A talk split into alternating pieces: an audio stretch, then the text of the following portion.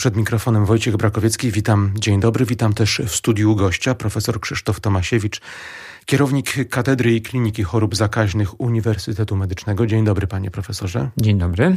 Tydzień temu w wieczornym programie Szlachetne Zdrowie byliśmy, panie profesorze, pierwszą radiostacją, pierwszym medium, które powiedziało o dobrych wynikach związanych z leczeniem koronawirusa, z leczeniem COVID-19 płynących z pańskiego oddziału. Wtedy powiedział pan, że terapia zastosowana wobec trzech pacjentów przynosi efekty. Po tygodniu możemy powiedzieć, że rzeczywiście przyniosła? Tak, rzeczywiście tydzień temu jako pierwsi Państwo podaliście tę informację i byliśmy bardzo podekscytowani tym, że te pierwsze e, efekty były e, całkiem niezłe. Natomiast teraz po tygodniu mogę powiedzieć, że efekty są bardzo dobre.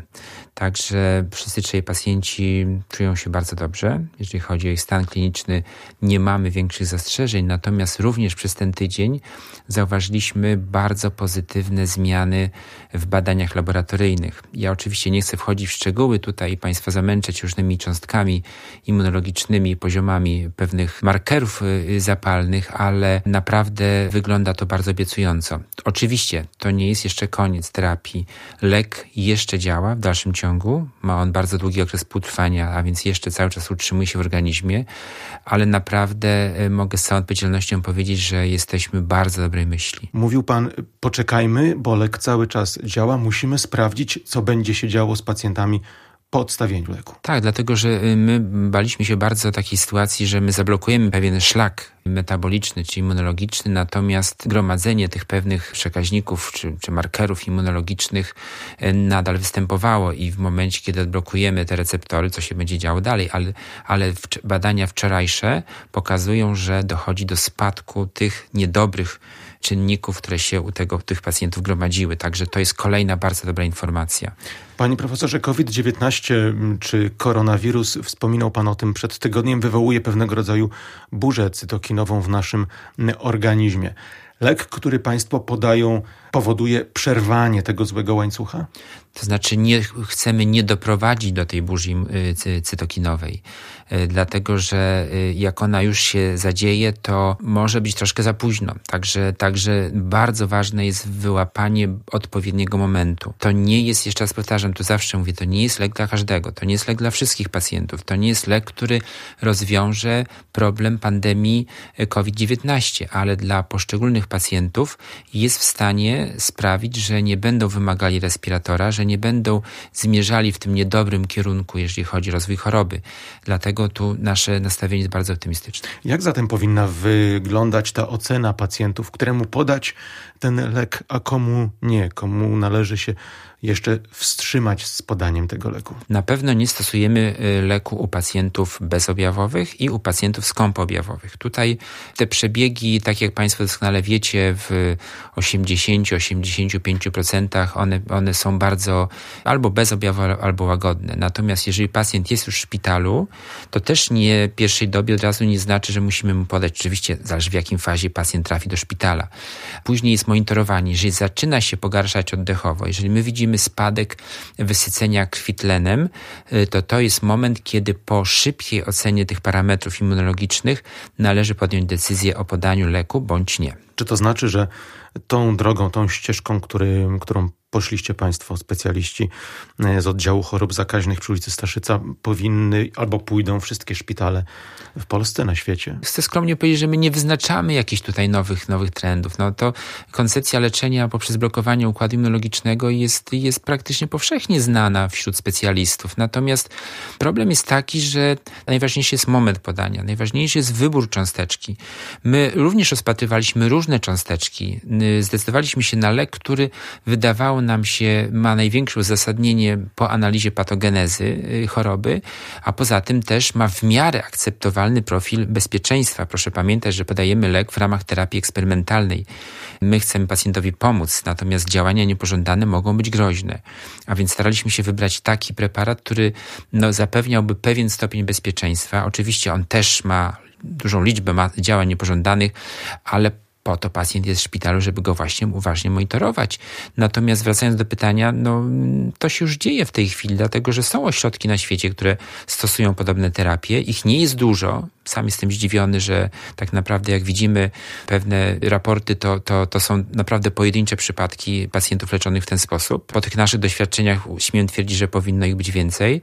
Sytuacja jest bardzo dynamiczna, także różne cząstki są rozpatrywane i myślę, że ta terapia na pewno będzie stosowana przez wiele środków. Słyszał pan zapewne, panie profesorze, że dobre wieści też dochodzą, na pewno optymistyczne, od chociażby z Krakowa, gdzie naukowcy pracują nad opracowaniem leku, który pomógłby w zwalczaniu COVID-19. Tak, tylko że pamiętajmy o tym, że tutaj y, mówimy o wyłączaniu wirusa, czyli mówimy o lekach przeciwwirusowych. Leki przeciwwirusowe za chwilkę będą, śmiem twierdzić, że nawet szybciej niż nam się wszystkim wydaje. Y, one są już w bardzo zaawansowanej fazie badań klinicznych, są stosowane w niektórych krajach, u nas tak samo będą stosowane słyszymy bez przerwy, że toczą się badania. No, tu jest troszkę, mam wrażenie, jest taki chaos informacyjny i my musimy też wiedzieć, co działa, co nie działa. Musimy jednak się opierać na pewnych faktach. Tak jak w naszym przypadku, oparliśmy nasze doświadczenia, znaczy nasze decyzje podjęliśmy w oparciu o naprawdę nieliczne sygnały dochodzące ze świata, ale jednak uzasadnienie było. Natomiast czasami spotykamy się z sytuacjami takimi, że jednemu pacjentowi podano jakiś lek, często to nawet nie jest lek, tylko preparat, jakiś suplement diety i ktoś chce wyciągać na podstawie tego daleko idące wnioski. Tutaj trzeba być bardzo ostrożnym. Oczywiście ja nie mówię tego o kolegach z Krakowa, bo tam mówimy o badaniach naukowych i o pełnym uzasadnieniu y, naukowym, a więc o twardych faktach. Natomiast no, czasami jest tak, że trzeba jeszcze te doświadczenia laboratoryjne przenieść do warunków klinicznych, do realiów klinicznych, dlatego że mieliśmy wiele różnych e, leków, które działały świetnie w tak zwanych warunkach in vitro, natomiast zastosowane u pacjenta nie zawsze się sprawdzały. Tyle mogę powiedzieć na ten temat. Na koniec nie wiem, czy będzie optymistycznie.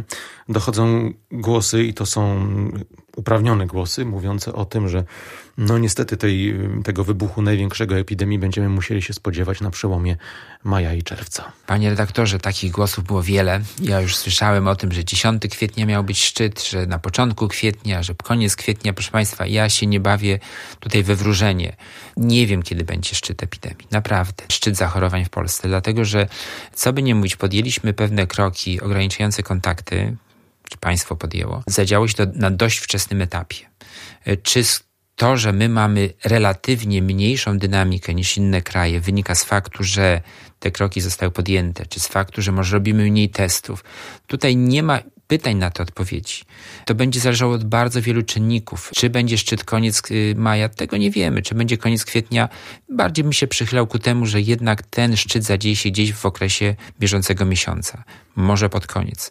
Natomiast, natomiast y, no, to będzie też zależało od tego, po pierwsze, jakie będą dalej, dalsze losy i zarządzenia dotyczące normalnego życia codziennego, no bo, no bo ciężko jest wyłączyć kraj, ciężko jest wyłączyć gospodarkę na pół roku czy na rok, prawda? To w ogóle nie wchodzi chyba w rachubę, dlatego że my, że tutaj te problemy jak gdyby y, kolejne będą następowały.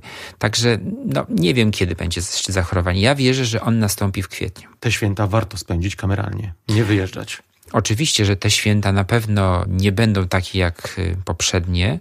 Te ograniczenia będą obowiązywały pewnie jeszcze w okresie poświątecznym, co do tego chyba nie ma nic wątpliwości.